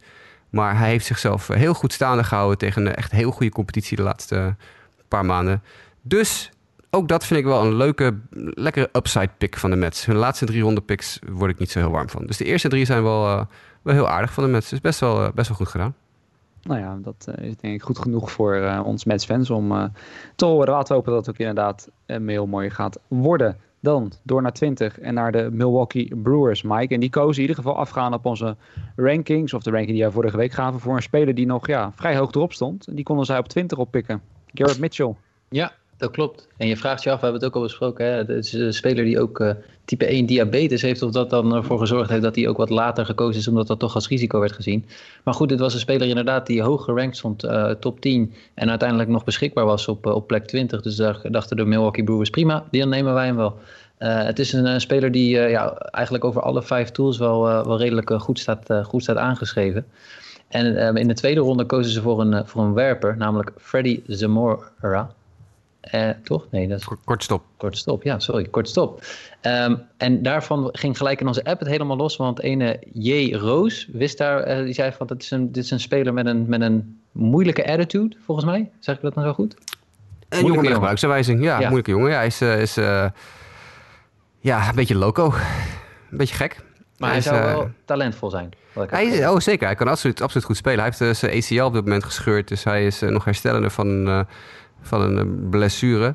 Ehm, ik, ja, ik, ik, vind het als, als mens ben ik niet zo heel groot fan voorlopig van Freddy Zamora. Hij is een beetje, doet een beetje aan ja, Zambrano, de Cubs pitcher van een paar jaar geleden. Denk ik. Iemand die op het een op het andere moment echt heel gekke, heel gekke dingen kan doen. maar wel een, een heel aardig korte stop. Ja. Maar ik hou er niet zo van om dat soort figuren te draften. Weet je, dat soort, je, je, je, je ziet ook, uh, ja, ja ik, Miami, Florida. Ik wil niet zeggen dat het een, een, een, een uh, universiteit is. Uh, de University of Miami, waar vaak van dit soort figuren rondlopen. Maar ook uit de Amerika voetbalwereld kan Justin ongetwijfeld een paar namen opnoemen van jongens die bij Miami gespeeld hebben en opgeleid zijn, die behoorlijk doorgedraaid zijn later in het leven. Dus, ja, ik, ik probeer even, ik weet dat al wat je bedoelt, er zijn al meerdere voorbeelden van. Ik kan even niet 1, 2, 3 een naam noemen, maar... Aaron Hernandez. Ah ja, tuurlijk, ja, zo. Ja, nee, ik zat, even, ik zat alleen maar met Ed Reed in mijn hoofd, maar die is juist uiteindelijk heeft een hele goede carrière gehad. Dus daarom zat ik zo moeilijk na te denken, maar ja, Aaron Hernandez inderdaad, ja. Ja. Of was, was hij uh, Miami of was hij uh, Florida? Dat weet ik nog niet meer. Dat was Miami, Florida, ja. Nee, nee, was het de University of Florida of de University of Miami? Um, oh, zo. nee, hij was wel University of Florida, ja. Dat klopt, ja. Ja, dat was Florida. Ja, dat was niet Miami. Ik wou zeggen, nu, uh, nu heb ik uh, de verkeerde universiteit. Dus zit ik de Miami verkeerd af te zeggen. Nee, Miami is een hartstikke goede universiteit. Florida, Florida, dat is de verkeerde. Het is, Florida is de, waar de maloten vandaan komen, ja, inderdaad. Uh, maar goed, Zamora is een beetje een maloot. Wel een goede speler, dat wil ik even zeggen. Yes, nou, verder kozen ze nog Xavier Warren, een catcher die ook wel talent heeft, maar ook wel uh, ook een, volgens mij iets van een gebruiksaanwijzing. Of in ieder geval uh, nog wel wat, uh, wat, wat verfijning nodig zou hebben volgens, volgens de experts. Joey Weimer, een outfielder van Cincinnati. En ook nog Hayden Cantrell, een Raging Cajun speler. Een, iemand die speelt bij de University of Louisiana at Lafayette. Een korte stop ook nog. Dus ja, ik, ik, ja, ik denk ja, qua talent ben ik wel benieuwd naar vooral de eerste twee picks. Maar goed, dat is ook direct de eerste twee rondes. Maar ik weet, Jasper was hier volgens mij kritischer op, op de Brewers. Nou, niet zo kritisch. Ik begrijp het wel. Het is, het is gewoon heel safe draft. En dat is niet verkeerd, hè? begrijp me niet verkeerd. Ik ben er iedere keer lijkt alsof ik zeg dat safe draften niet oké is. Maar de Brewers zijn bijvoorbeeld heel dichtbij telkens ook ranks gebleven. Ja, Garrett Mitchell viel. En dat is een, kan een koopje zijn. Ik, ik hoop voor hem dat hij inderdaad zijn, zijn negatieve dingetjes die hij heeft laten zien op het veld uh, achter zich laat. En uitgroeit tot iemand die beter wordt. De, de, Brewers hebben geen goede track record met het draften van uh, college outfielders. Ze hebben een paar echt top college outfielders gedraft door de jaren heen. En die zijn allemaal hopeloos gefaald. Lewis Brinson, die in eerste instantie natuurlijk uh, uh, bij de Brewers speelde... en uiteindelijk bij Miami nu terecht is gekomen in de Christian Yelich trade... die er werkelijk geen, geen moer van bakt... Corey Ray, die ik al eerder noemde, was een top prospect in het jaar dat hij gedraft werd qua outfield. En ook die is helemaal gestagneerd in de minor league bij de Brewers. Dat uh, komt niet uit wat er uit zou moeten komen. Dus de, de, track record van het draften van college outfielders bij de Brewers is niet, gewoon simpelweg niet goed. Nou, Garrett Mitchell is wel een goede speler, maar er zit wel, ja, er zijn wat haken en ogen aan. En vervolgens zijn ze heel dichtbij. De Zamora hebben ze wel iets hoger gedraft dan gedacht. Maar met Xavier Warren en Joey Weimer en Hayden Cantrell zijn ze altijd echt nog een paar tientallen picks verwijderd van de ranking. Dus ze hebben heel safe gedraft. En ik weet niet of dat nou meteen um, voor je club het juiste signaal geeft. Ze zijn ook heel relatief dicht bij huis gebleven met een paar spelers uit Michigan en Ohio onder andere. Nou en de Brewers komen natuurlijk uit Milwaukee, is allemaal de Midwest. Dus ze hebben wel aardig dicht bij huis gescout ook. Goed, nog tien teams te gaan dan. En dan gaan we naar de buren, de St. Louis Cardinals op 21. Jasper, um, wat daar denk ik vooral opvalt bij de eerste drie, gaan allemaal voor highschoolers. En vooral de eerste highschooler die ze hier op 21 kozen, is er eentje. Kunnen we dat een boom of past prospect noemen? Want als je kijkt naar zijn afmetingen, dat, dit is echt een gigantische dude. Ja, dat was, heb ik ook genoemd als, uh, als een van mijn favoriete sleeper picks uh, vorige week uh, nadat we de eerste ronde hadden doorgenomen. Jordan Walker uit Decatur, Georgia, is een gigantische dude. En daar zit, de, de, hij, hij, heeft een, een enorm plafond. Dat, dat, als die jongens een plafond haalt, wordt het een absolute superster. Alle drie de eerste ronde, of de, alle drie de eerste picks van de Cardinals zijn alle drie enorme high upside jongens. De Cardinals hebben gedacht van weet je, we zitten best wel redelijk in onze minor leaguers op dit moment. We hebben een heel aardig jeugdopleiding, we hebben een aardig team. We kunnen nu alvast gaan draften voor over 5, 6, 7, 8 jaar. Dit zijn allemaal highschoolers met een waanzinnig hoog, uh, hoge ceiling die jaren verwijderd zijn van de majors. Maar als het er allemaal uitkomt, is dit, uh, kan dit de beste draftgroep zijn van allemaal. Jordan Walker in de eerste ronde, Mason Wynn in de tweede ronde. Een two-way player ook weer, iemand die allebei, uh, allebei kan. Echt een legit two-way player. Hè? Dus uh, iemand die echt serieus allebei, zowel korte stop als een spijkerharde fastball en een goede pitcher is. Uit Texas, een van de top vijf spelers uit Texas is dat. En Tink Hens in de competitive balance round, een high school pitcher uit Arkansas. Dit zijn, dit zijn ongelooflijk high upside spelers. De, de Cardinals hebben echt uh, swing for the fences gedaan met hun eerste drie picks. Ja. Maar gewoon met die Jordan Walker zit ik gewoon even te kijken. Die is dus in 2002 geboren en is al 1,95 en bijna 100 kilo schoon aan de haak, zeg. Ja, ja dat is een beest. Dat is geen propje. Nee, is geen, is, geen propje, nee. Daar, daar passen misschien wel twee Max Myers in, ja. Dat, uh, dat zeker, ja. Poeh, nou... Door naar de volgende ja, is echt, echt een top, top draft hoor. De andere jongens zijn ook wel aardig, maar deze drie die springen er echt uit. Ja, ik zat inderdaad al door te lezen. Het is, uh, maar goed, inderdaad wat je net goed zegt, de Cardinals wat dat betreft kunnen dat zeker doen. Ik bedoel, als je ziet wat daar de afgelopen jaar allemaal doorheen is gekomen, die uh, weten wel hoe ze spelers op moeten leiden. Dan de Washington Nationals, Mike. De World Series champs als 22 aan de beurt kozen voor weer een hardgooiende werper. Yes, en dat is het profiel wat ze vooral uh, aanspreekt, ook de laatste jaren in dress. Maar Kate Cavalli van de Oklahoma University. De Oklahoma Sooners werd gekozen door de Washington Nationals. En dat was ergens wel opvallend, omdat we in de previews de Nationals heel erg hebben gelinkt met Cole Wilcox, die dus uiteindelijk veel langer op het bord bleef staan. maar Kate Cavalli was, ja, was eigenlijk ook hoger uh, gerankt wel in veel previews dan deze plek. Dus de, de Nationals dachten van mooi, dan pakken wij, hem, pakken wij hem op. En ze gingen door met pitchers draften. Namelijk ook Cole Henry werd nog gehaald, de rechtshandige werper van LSU. En later ook nog in de draft Holden Powell van UCLA. En van deze drie wordt eigenlijk gezegd dat Cavalli en, en Henry... Ja, die hebben echt wel de serieuze kans om op termijn de, de rotatie te gaan, te gaan halen. En van Powell verwachten ze dat hij vermoedelijk iemand is die echt wel in de bullpen kan, gaan, kan gaan uitblinken. Al heeft hij niet echt uh, de beste controle. Uh, in de laatste ronde kozen ze ook nog Mitchell Parker. Iemand met best wel een, uh, ja, een echt een over-the-top delivery. Dus misschien dat ze daar ook nog wel een, een funky speler in hebben gehaald. verder hadden ze nog twee andere picks, namelijk Samuel Infante, een korte stop die ze op de 71ste plek hebben gekozen. En Brady Lindsley, een catcher ook van Oklahoma. Misschien wel de battery mate partner van Kate Cavalli, denk ik me, bedenk ik me nu net. Ja, dat is inderdaad correct. Kijk, dus, uh, maar in Cavalli hebben ze echt wel een, uh, een talentvolle speler. We hebben het eerder ook over gehad. Het is echt de boom or bust uh, speler. Dus benieuwd hoe hij zich gaat ontwikkelen in, in, de, in Washington de komende jaren. Ja, Cleveland Indians, die waren als 23 aan de beurt. En die kozen Jasper voor het jongere broertje van Cole Tucker... die vorig jaar nog de majors haalde bij de Pittsburgh Pirates. Ja, was wel verrassend. Dat had niemand aanzien komen dat, dat deze jongen in de eerste ronde gedraft zou worden. Of in ieder geval, nou, niemand moet je nooit zeggen... want er is altijd iemand te vinden die zoiets roept. Maar voor zover ik weet uh, was Carson Tucker niet specifiek gelinkt aan laag in de 20s. Uh, maar het is wel een echt goede speler. Met de potentie om echt een impact-speler te worden in de, in de Major League. Als hij een beetje doorgroeit zoals hij op dit moment aan het doen is.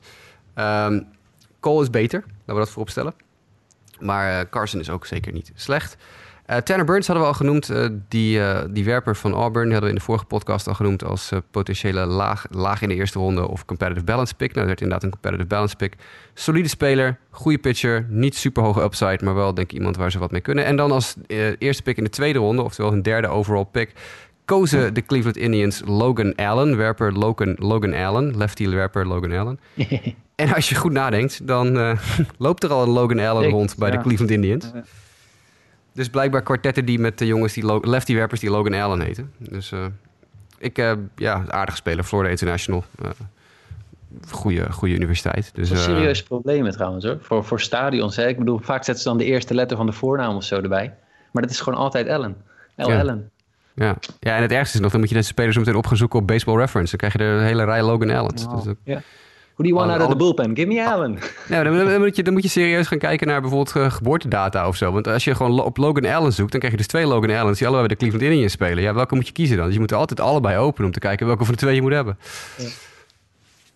Ja, ja dat zijn inderdaad uh, problemen waar ze misschien niet over hebben nagedacht bij de Indians. Maar uh, benieuwd welke Allen uiteindelijk het verst zal komen. Op 24 dan de beurt aan de Tampa Bay Race.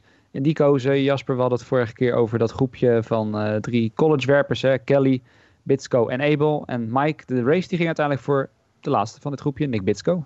Yes, het kind. Ja. Met een geweldige arm. Nick Bitsko, ja, echt. Uh, uh, dit is het grote high school talent. Of in ieder geval een van de grote high school talenten. Maar ja, deze, deze grote uh, niet-prop, zeg maar, die, die werd gekozen. En er zit heel veel upside aan hem. En dat is eigenlijk ook waar de, waar de race vooral voor ging. Nick Bitsko zagen zij het talent wat ze qua pitching verder kunnen gaan ontwikkelen. en ook in de, de, rondes daarna kozen ze voor Alaika Williams van Arizona State, de korte stop. Die ook best aardige upside heeft. Hoewel die wel vooral genoemd staat, geroemd wordt volgens mij om zijn, zijn defensieve skills. Uh, dus ja, en, en daarna kozen ze nog Ian Seymour, de pitcher van, uh, van Virginia Tech.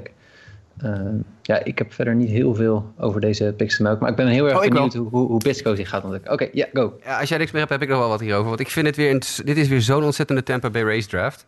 Aan echt van alles erop en eraan. Bitsko is, ja, het is een van mijn favoriete spelers in de hele draft. Ik, ik vind het een ontzettend groot talent. En ik denk oprecht dat de, de race uh, hiervan een, een absolute topper kunnen maken. Want ze zijn al zo ontzettend goed. Maar zeker die ook die competitive balance pick Alika Williams van Arizona State. Dit is een jongen, en wat je zegt is waar. Het is iemand die bekend staat om zijn defensieve kwaliteiten, niet zozeer om zijn offensieve kwaliteiten. Maar toch is dit een jongen die uh, de laatste jaar is heeft laten zien dat hij weinig strikeouts tegenkrijgt, altijd meer vier wijd heeft dan dat hij strikeouts heeft aan het eind van het jaar. En eindelijk ook heeft laten zien, de afgelopen zomer, dat hij met houten knuppels heel goed uit de voeten kan. Het, hij is geen home run hitter, maar het is wel iemand die extra bases kan, uh, extra bases kan staan, uh, doubles en triples eventueel. En het, feit dat hij dat met, nu al met hout kan, is heel belangrijk. Want deze jongen kan echt nog wel sterker worden met de juiste, weet ik veel, juiste dieet, juiste fitness en, uh, en alles erop en eraan wat je van een Major League club kan verwachten dat ze dat bij dit soort spelers kunnen voor elkaar boksen. Ik vind dit echt een sneaky goede pick. Ik denk dat Alico Williams echt wel een, een plek gaat, gaat krijgen in de, in de Tampa Bay Race uh, starting line-up over een paar jaar. Ja. Dan de Atlanta Braves. We hadden er vorige week nog een vraag over. Hè. Wat zouden de Atlanta Braves onder andere op plek 25 gaan doen? We kwamen tot de conclusie, ja, het kan misschien wel een werper zijn, maar daar hebben ze er al wel meer dan genoeg van. En toch, Jasper, kozen ze voor een werper ja, eerste volgens, ronde. Volgens mij had het wel gezegd ook dat ze waarschijnlijk een werper zouden kiezen. Want je kan nooit, wat zei Mike geloof ik alweer toen, je kan nooit genoeg pitching hebben. Of ik weet niet, zei jij dat? Iemand van ons zei je kan nooit, oh Sander misschien wel. Nou dat heb ik ze allemaal gehad. Maakt er niet uit. Eén van ons zei je kan nooit genoeg pitchers hebben. En dat uh, dachten de Braves dus blijkbaar ook. Uh, wel een behoorlijke reach vind ik, Jared Schuster. Die was plek 77 gerankt en ze hebben hem op 25 gepakt van Wake Forest. Um, ik weet niet of dat nodig was geweest. Want ik denk dat ze er misschien ook nog wel de volgende ronde hadden kunnen opscheppen. Maar misschien weten ze meer dan wij. Dat moet je dan altijd maar vanuit gaan. Uh, wel een beetje risicovol. Niet een hele goede, niet een heel clean uh, gooibeweging van Schuster. Dus er is wat uh, risico dat dat een beetje out of whack gaat raken, zoals dat in goed Nederlands heet. maar als ze daar bij de Braves een beetje aan kunnen schaven, is dit een, ja, een solide speler.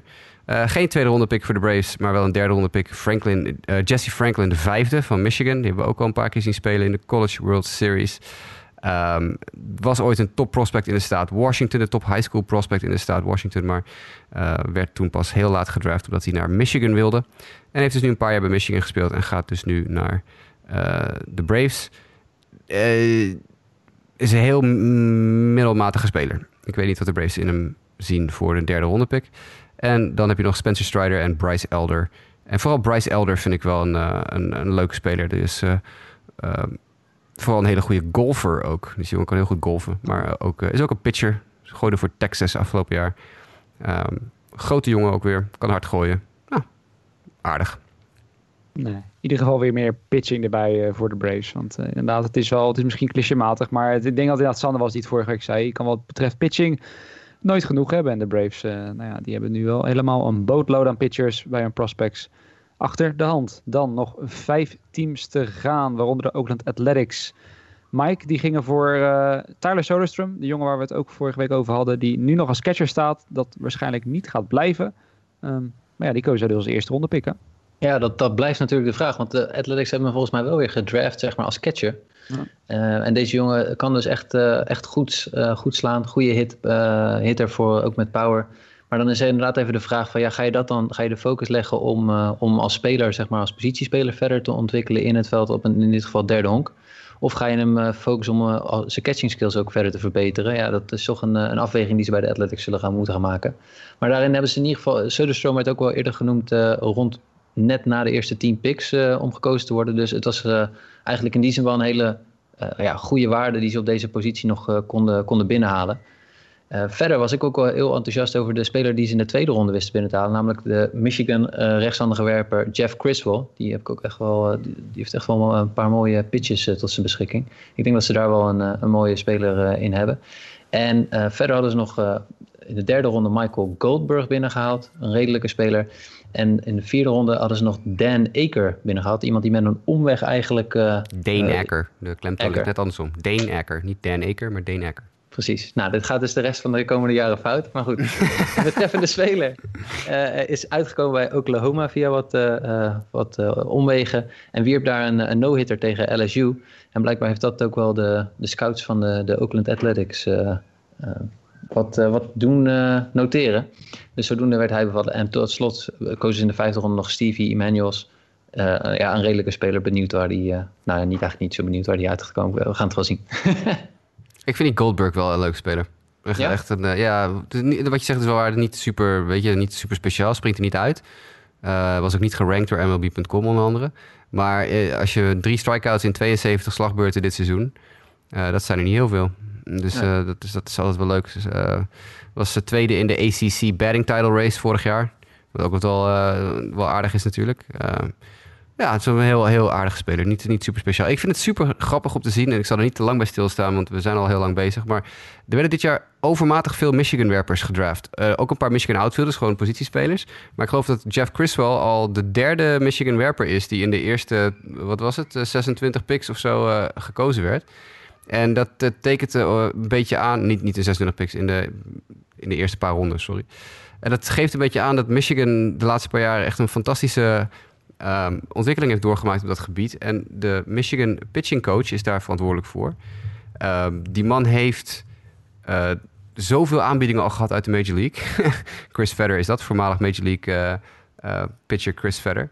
Die heeft echt dat hele pitchingprogramma op zijn kop gezet. En ik denk dat er een er moet een organisatie zijn die binnenkort heel snel Chris Vedder wegjat bij Michigan. eh, en hem in een eh, Major League organisatie zet. Want deze man is de, de toekomst van, eh, van het, de pitching coaches in, in Amerika. Nou, dat is bijzonder om dat te horen inderdaad. En Als je dan ziet hoeveel pitchers uit Michigan zijn gekozen. Lijkt me dat niet anders dan dat die man een, een baantje gaat krijgen binnenkort. Dan de Bamba Squad. Of althans, zo noemde Sander de Minnesota Twins in zijn eh, stukken van afgelopen jaar. En hun grote kracht was natuurlijk het slaan van homers. En in die filosofie past denk ik wel hun first round pick een beetje, toch Jasper? Ja, ik eh, vind het niet een heel erg eh, denderende draft, zal ik maar gelijk zeggen, van de Bomba Squad. Ik vind het een heel, heel mediocre draft. Dus ik snap de, de, de, de allure wel van Aaron Sabato, hun eerste ronde pick. Want die werd door CBS Sport een exit velocity god genoemd. Ik weet niet of dat eh, het enige is waar een speler voor moet draften in de eerste ronde. Power over hit noemt MLB het. En dat is het ook wel een beetje, klopt wel een beetje. Maar hij kan, hij kan aardig hard slaan. Elric Solari van Tennessee werd in de tweede ronde gekozen. En ik, eh, ja, weet je. Aardig speler, leuke speler. Ik weet niet of dat nou het verschil gaat maken in je organisatie. Ehm, ja, eigenlijk, ja, verder was het. Ja. Dus ze waren een paar picks kwijt vanwege wat eh, free agent signings. Ze hadden alleen een eerste, tweede, vierde en vijfde ronde pick. Ja, ik word er, er niet heel erg eh, warm van. Ja, die Sab- Sabato waar je het over had, inderdaad wel een bijzonder eh, figuur wat dat betreft. Dat ook wel het eh, Tar, Tar Heels Freshman Home Run Record is bij North Carolina University. Ook de ACC Freshman of the Year. Maar het is inderdaad, het is vooral power, power, power. En Ja. that's it. Het, past bij, het past bij de Bomba's, maar... Of, ja. Ja, dat is weer wel. Het past wel heel erg inderdaad bij, eh, bij de Bomba Squad nu. Dan 28, de New York Yankees. En Mike, die kozen voor een speler die, als ik het goed heb, eh, ook op de plek ging waar wij hem vorige week naar hadden geproject. Ondanks dat we niet echt heel precies makten. Maar Aston Wells, de catcher, werd al van gezegd door jullie van, nou, die kan wel eens naar de Yankees gaan. En zo geschieden. Ja. Dus eh, daar was eh, op zich eh, weinig verrassing. Maar Austin Wells is wel iemand die ja, om in de gaten houden wat er met hem gaat gebeuren en ook zijn ontwikkeling. Want hij wordt natuurlijk als speler vooral geroemd om zijn offensieve prestaties. En hij is wel gedraft als een, als een catcher, maar tegelijkertijd zien eigenlijk veel scouts hem niet daar, daar blijven op die positie. Dus eens even kijken wat, hoe Austin zich gaat ontwikkelen op dat gebied. De Yankees hadden niet vijf picks, omdat ze Garrett Cole hadden gecontracteerd. Daardoor waren ze twee picks kwijt. Ehm, dus ze kozen in de derde ronde pas weer. En toen gingen ze voor Trevor Halver van Arizona State. Iemand die eigenlijk op meerdere posities inzetbaar is. En eh, eigenlijk ook wel als linksvelder, maar hij is gedraft als tweede honkman. Dus eh, benieuwd hoe hij zich, eh, waar hij uiteindelijk uit gaat komen. En ja, dit is denk ik misschien wel weer ook net als Luke Little hebben we ook nog Back Way. En, een pitcher die eigenlijk ook committed was naar een LSU. Uh, volgens mij. Of in ieder geval die zou overgaan naar LSU. Uh, maar die, uh, die hebben de Yankees ook nog uh, gekozen in de vierde ronde. Ja, met drie picks wordt het lastig. En zeker als je laat in de, in de rondes mag kiezen. Maar ik denk dat die Yankees een, ja, een redelijke, redelijke picks hebben gedaan. Gaan we, gaan we het niet even hebben over het feit dat een werper back way heet. En dat hij daar dus way back ja, precies, ja. een home run call van kan maken. Mooi toch? Deze jongen heet back way. Way back. Oei, oei, oei. Ja, dat moet toch intent zijn, of niet? Ja, dat uh, lijkt me wel, ja. ja. Mm. Het, uh, het, is een vader die uh, ook heel groot heel erg van honkbal houdt of zo. Ja, ja, ja Wells hadden wij... Ja, precies. ja. Uh, Wells hadden wij geprojecteerd voor de Yankees... omdat ze hem ook al uit high school... of een paar jaar geleden ook al gedraft hadden. Dus vandaar dat ik zei... Van, nou, die hebben, het zou me niet verbazen als ze hem gewoon weer kiezen. Uh, in 2018 was dat. Uh, en die komt van Arizona. Trevor Harver from Arizona State. Dus de, de Yankees hebben overduidelijk in Arizona gescout dit jaar. Ja. Dan één laatste team, de Los Angeles Dodgers. En best wel toevallig, hè? de Angels van Anaheim die kozen Reed Detmers uit Louisville. En de Dodgers die kozen voor Bobby Miller uit Louisville, Jasper. Ja, ik was geen fan van Bobby Miller, heb ik van de week gezegd. Kan wel natuurlijk, ik zei geloof ik van de week, hij kan spijkerhard smijten, maar waar het heen gaat is niet allemaal even duidelijk. ik vind het ja, wel een, typische Dodgers pick. Een beetje in dezelfde vergelijking als was toen ze Walker Bueller kozen. Bueller was beter, maar Miller kan ook wel, is ook wel een aardige college pitcher. Ze zullen hem wel eventjes moeten bijschaven in de minor league. Maar dat kunnen ze wel bij de, bij de Dodgers. Landon Knack ging in de tweede ronde. East Tennessee State pitcher. Heel oud al. Heel oud. 23 zeg ik uit mijn hoofd. Bijna 23. Dus dat is voor een college speler vrij oud. 50 year senior. die dan toch uiteindelijk in de tweede ronde gepikt wordt. Meestal zijn die 50 year of 40 year seniors... Ehm, die worden altijd heel laat gedraft... omdat ze toch voor heel weinig tekenen. Uh, want ja, die hebben geen keus meer. Die zijn klaar met college. Die kunnen daarna, dan is het of prof worden voor een koopje of uh, stoppen met honkballen. En heel vaak tekenen die jongens dan voor veel minder. Dus ik vind het wel opvallend dat ze hem gekozen hebben voor de ronde. Misschien dat ze hem underslot kunnen tekenen. Want nogmaals, hij heeft geen keus. Als hij niet tekent, is hij uitgehonkbald voor de rest van zijn leven. Ehm, competitive balance ronde. Clayton Beater van Texas Tech. Aardige speler, veel elleboogproblemen gehad. Dus daar zit wel wat risico aan vast. Jake Vogel, outfielder van Huntington Beach High School. Uh, goede speler. Moet nog wel wat uh, ontwikkelen. En dan sloten ze de draft af met Carson Taylor van Virginia Tech, de catcher. En Gavin Stone van Central Arkansas, pitcher. Uh, allemaal college spelers dus op die ene Jake Vogel van Huntington Beach High School. Nou, dus de, de Dodgers zijn college heavy gegaan dit jaar. Ja. Maar goed, en dat is dan niet de laatste ploeg. Het is wel de laatste ploeg die in de eerste ronde koos. Maar Mike, we hebben de Houston Astros nog. Die mochten natuurlijk niet in de eerste ronde kiezen. Maar die mochten natuurlijk nog wel oh. draft picks oh. gebruiken. Al waren het later. Wat hebben ze ermee gedaan? Uh, nou ja, ze hebben gekozen, uh, want ze mochten pas dus als 72 hun eerste pick maken. En toen hebben ze gekozen voor Alex Santos the second, denk ik dat we het uh, maar doen. en dat is eigenlijk best wel een goede value, want die jongen werd eigenlijk ook wel toe, een, een, plekje toebedeeld in de, in de tweede ronde. Dus op zich een, een, ja, een, een, een, redelijke, ja, denk low risk, op zich wel redelijk voorspelbare qua ontwikkeling speler. Ehm, en daarna hadden ze nog Ty Brown geselecteerd van Vanderbilt. En daar heeft hij, die lijkt vooral als, als reliever daar actief te zijn geweest. Opvallend vond ik wel op zich dat ze vervolgens in de derde of in de vierde ronde Zach Daniels kozen. Die als je kijkt naar zijn statistics in de University of Tennessee, ja, er eigenlijk offensief twee seizoenen, in 2018 en 2019, totaal niet echt uit de verf kwam. Maar dit seizoen in één keer, in één keer wel. Dus ik ben benieuwd wat ze daar gezien hebben. Dat ze dachten van oké, die, willen we, die willen we hebben. En ze kozen ook nog Shea Whitcomb, een korte stop van UC San Diego. Ty Brown die heeft een, uh, een heel leven lang aan ellende achter de rug. Die is, verloor zijn moeder aan kanker toen hij 13 was. had Tommy John surgery toen hij zijn tweede jaar in high school zat. Dus dan ben je 15, zeg ik bij mijn hoofd. en in zijn eerste jaar bij Vanderbilt heeft hij een, zijn vriendin of een meisje bezwangerd. Die vervolgens een kind op de wereld heeft gezet. Een dochter met Down syndroom en levensbedreigende hartproblemen. Dus deze jongen heeft in zijn, nou hoe oud is hij inmiddels? pak een beet 22. Hij is nog geen 2, 21. Die heeft al een heel leven aan, aan dingen achter de kiezen. Heftig. Heftig, heftig leven, ja. ja. Ik las wel toch, tenminste dat staat ook in, dat het maar de vraag is of hij ook gaat tekenen. Omdat hij zelf al aan heeft gegeven dat hij eigenlijk weer terug wil naar Vanderbilt. Ja, ik kan me wel voorstellen, ja. Maar goed, daarmee hebben we dan ook het laatste team gehad. Zijn we alle 30 teams uh, afgegaan. Hebben we denk ik wel allemaal redelijk gedetailleerd besproken. Misschien als we nog één kort rondje maken van twee, drie teams waar we echt heel enthousiast over worden. Begin ik bij jou Jasper. Noem eens even jouw twee, drie teams op. Na aanleiding van deze draft waar jij echt heel enthousiast over bent geworden. Uh, nou ja, de, de White Sox daar staat buiten kijf. Uh, ik denk als je de twee hardste fastballs in de draft kan, uh, kan te pakken krijgen, dan heb je het gewoon heel goed gedaan. Maar dat laat, die laat ik even buiten beschouwing, want dat is ook een beetje een homer-pick natuurlijk. Ik was heel erg enthousiast over de Rockies. Want ik vind Zach Fien een goede speler, Drew Romo een goede speler en Chris McMahon een goede speler. Dus dat, of een goede speler, een hele degelijke speler. Dus voor een eerste drie picks is dat een heel goed trio. Ik zei al dat ik de Tigers en de Royals een heel goede draft vond hebben. Die heb ik al genoemd. Ik weet niet of het de beste drafts zijn, maar wel echt goede drafts. Ik vind de filosofie van de Marlins erg leuk dit jaar. Mhm. Met heel veel upside. Heel veel upside. Daar hou ik altijd van.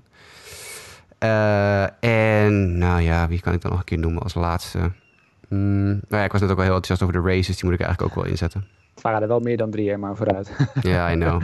Mike. Ik ben, je weet, ik, we doen dit nu al een paar jaar. Ja. Ik ben nooit zo goed in, eh, in kiezen. Nee, precies. Ja, ik wil deze ook zeggen, laat het ook negatief. Maar laat het lekker positief houden. Dus bij de teams waar we enthousiast worden. Mike, waar, waar word jij enthousiast van? Ik, eh, toen ik het eh, voorbij zag komen, drie teams zou ik zeggen eh, Marlins, Blue Jays en toch ook wel de, de Athletics. Als je dan voor de latere rondes mag kiezen. Maar ik ben wel benieuwd naar die eerste twee picks van hen. Ja. ja. Ik denk vooral Blue Jays. En de Cardinals moet ik ook wel zeggen, met die highschoolers. ook wel het verhaal dat Jasper net vertelde, word ik er ook wel heel enthousiast van. Meer in de zin van dat ik het heel interessant vooral vind. Hoe die jongens zich, zich gaan ontwikkelen. En ja, als derde... hmm, ja, laat ik dan maar de Tigers zeggen. Het is misschien wat saai, maar ik bedoel, die hebben denk ik wel gewoon gedaan wat ze moesten doen. Ja. Grappig dat we allemaal niet de Orioles noemen. Die eh, als, Nee. twe- als tweede in de draft kiezen. En toch niet in staat zijn om een draft af te leveren waar we heel erg enthousiast van worden. Want dat is inderdaad, ja, ik wilde niet negatief eindigen, maar ik denk, ja, nou, de Orioles misschien niet de echte verliezers, maar teams, ja, de Giants, Rangers en Red Sox, dat is denk ik wel het trio waar we Dat zijn de drie, ja, naar eh, hebben zitten kijken. Daar kunnen we denk ik eensgezind over zijn. Ja, het kan, ze kunnen ons heel dom eruit laten zien natuurlijk over een paar jaar. Als het toch gewoon blijkt te werken en Nick York inderdaad een four-time All-Star is, maar eh, ja. Ja, weet je, dit- dat is het bij de draft natuurlijk altijd. Iedere draft, ieder eigenlijk, je moet het echt, echt verkloten. Wil je als fan ook denken dat je team het echt verkloot heeft? En dan, dan moet je inderdaad een situatie hebben als nou ja, de Rangers, die ik echt vind dat ze verkloot hebben. Of de Red Sox, die al zoveel shit krijgen over die eerste ronde pick van ze. Maar in principe is de hoop voor de toekomst, is bij al deze teams en hun fans natuurlijk nu... Kijk, dit is het mooiste van de draft. Die jongens zijn gedraft en je kan allemaal denken... dit wordt de, nu, de volgende superster. En totdat het tegendeel bewijzen is, bewezen is, zijn al, in ieder geval al die eerste ronde picks, en misschien zelfs wel de eerste twee ronde picks Mm. van deze draft, zijn de potentiële nieuwe supersterren van morgen. En die, die positieve vibe, die zie je bij heel veel teams terugkomen. En, en dat, is, dat is wat deze periode zo mooi maakt. En daarom is het ook zo grappig dat er echt op dit moment puur alleen maar drie teams zijn waarvan iedereen denk ik unaniem is, die hebben gewoon de draft verkloot. En voor de rest is er bij alle teams wel tenminste één of twee positieve lichtpuntjes te vinden. En dat maakt die draft zo mooi. Iedereen, de hoop, de hoop voor morgen is nog groot bij iedereen. Ja, terwijl ik dat vooral voor de MLB wel bijzonder vind. Want nergens is het percentage natuurlijk eh, zo groot aan spelers die het eigenlijk niet redden of die meer dan een jaar de majors zijn dan in de MLB. Hè. In de NFL haalt vaak eh, minimaal een derde van je draftclass wel sowieso twee, drie jaar eh, down the line dat ze nog bij het team zitten. Bij de NBA vaak ook wel. Ja, ner- nergens is de strikeout rate zo hoog. Maar ja, het komt natuurlijk ook omdat ze zoveel spelers kiezen eh, dan bij de MLB. Maar ja, het hoeft maar net één, één superster tussen te zitten. En het heeft je draftclass gemaakt natuurlijk. Wil je nog een positieve noot om mee te eindigen? Nou ja, dat vond ik eigenlijk wel eh, positief. hè. De hoop. De hoop die Jasper uitsprak, dat vond ik denk ik wel het... eh, Net als, net als de hoop. Nou, dat is eigenlijk geen hoop. Rob Manfred heeft gezegd, there will be baseball this season. ja. Ja. Ja, ja. En intussen vechten ze alweer elkaar helemaal de tent Ja, uit het is eh, verschrikkelijk. We kunnen alleen maar hopen wat dat betreft. Dus laten we hem daarmee afsluiten met de hoop. Eh, ja, wanneer we weer terug zijn, dat moeten we even gaan bekijken. Zolang er geen homeboys, misschien dat we met iets anders terugkomen. Eh, ze hebben onlangs in de groep geopperd om misschien een soort draft te houden, maar dan met de teams en de spelers die al in de majors zijn. Eh, hè, dat je bijvoorbeeld maar één speler per team mag kiezen. Wat zou je daarmee kunnen samenstellen? Misschien dat dat de volgende episode wordt, maar dat gaan we even bekijken. Ja, hopelijk is het natuurlijk eerder vandaag dan morgen honkbal. Dan kunnen we daarover praten, over daadwerkelijk honkbal dat wordt gespeeld. Maar helaas, ja, dat eh, lijkt nu nog niet te gaan gebeuren binnen de korte termijn. Mocht je nou toch vragen hebben alvast voor die volgende show, wanneer die komt, stuur het vooral op naar justabitpodcast.gmail.com of zoek mij, Sander, Jasper of Mike op op de Twitters. Eh, dus dat gezegd hebben, de, eh, ja, hoop ik jullie volgende keer weer terug te horen en te zien. En hopelijk hebben jullie veel luisterplezier gehad met deze draft recap. En ja, tot de volgende keer. Nooit heb ik het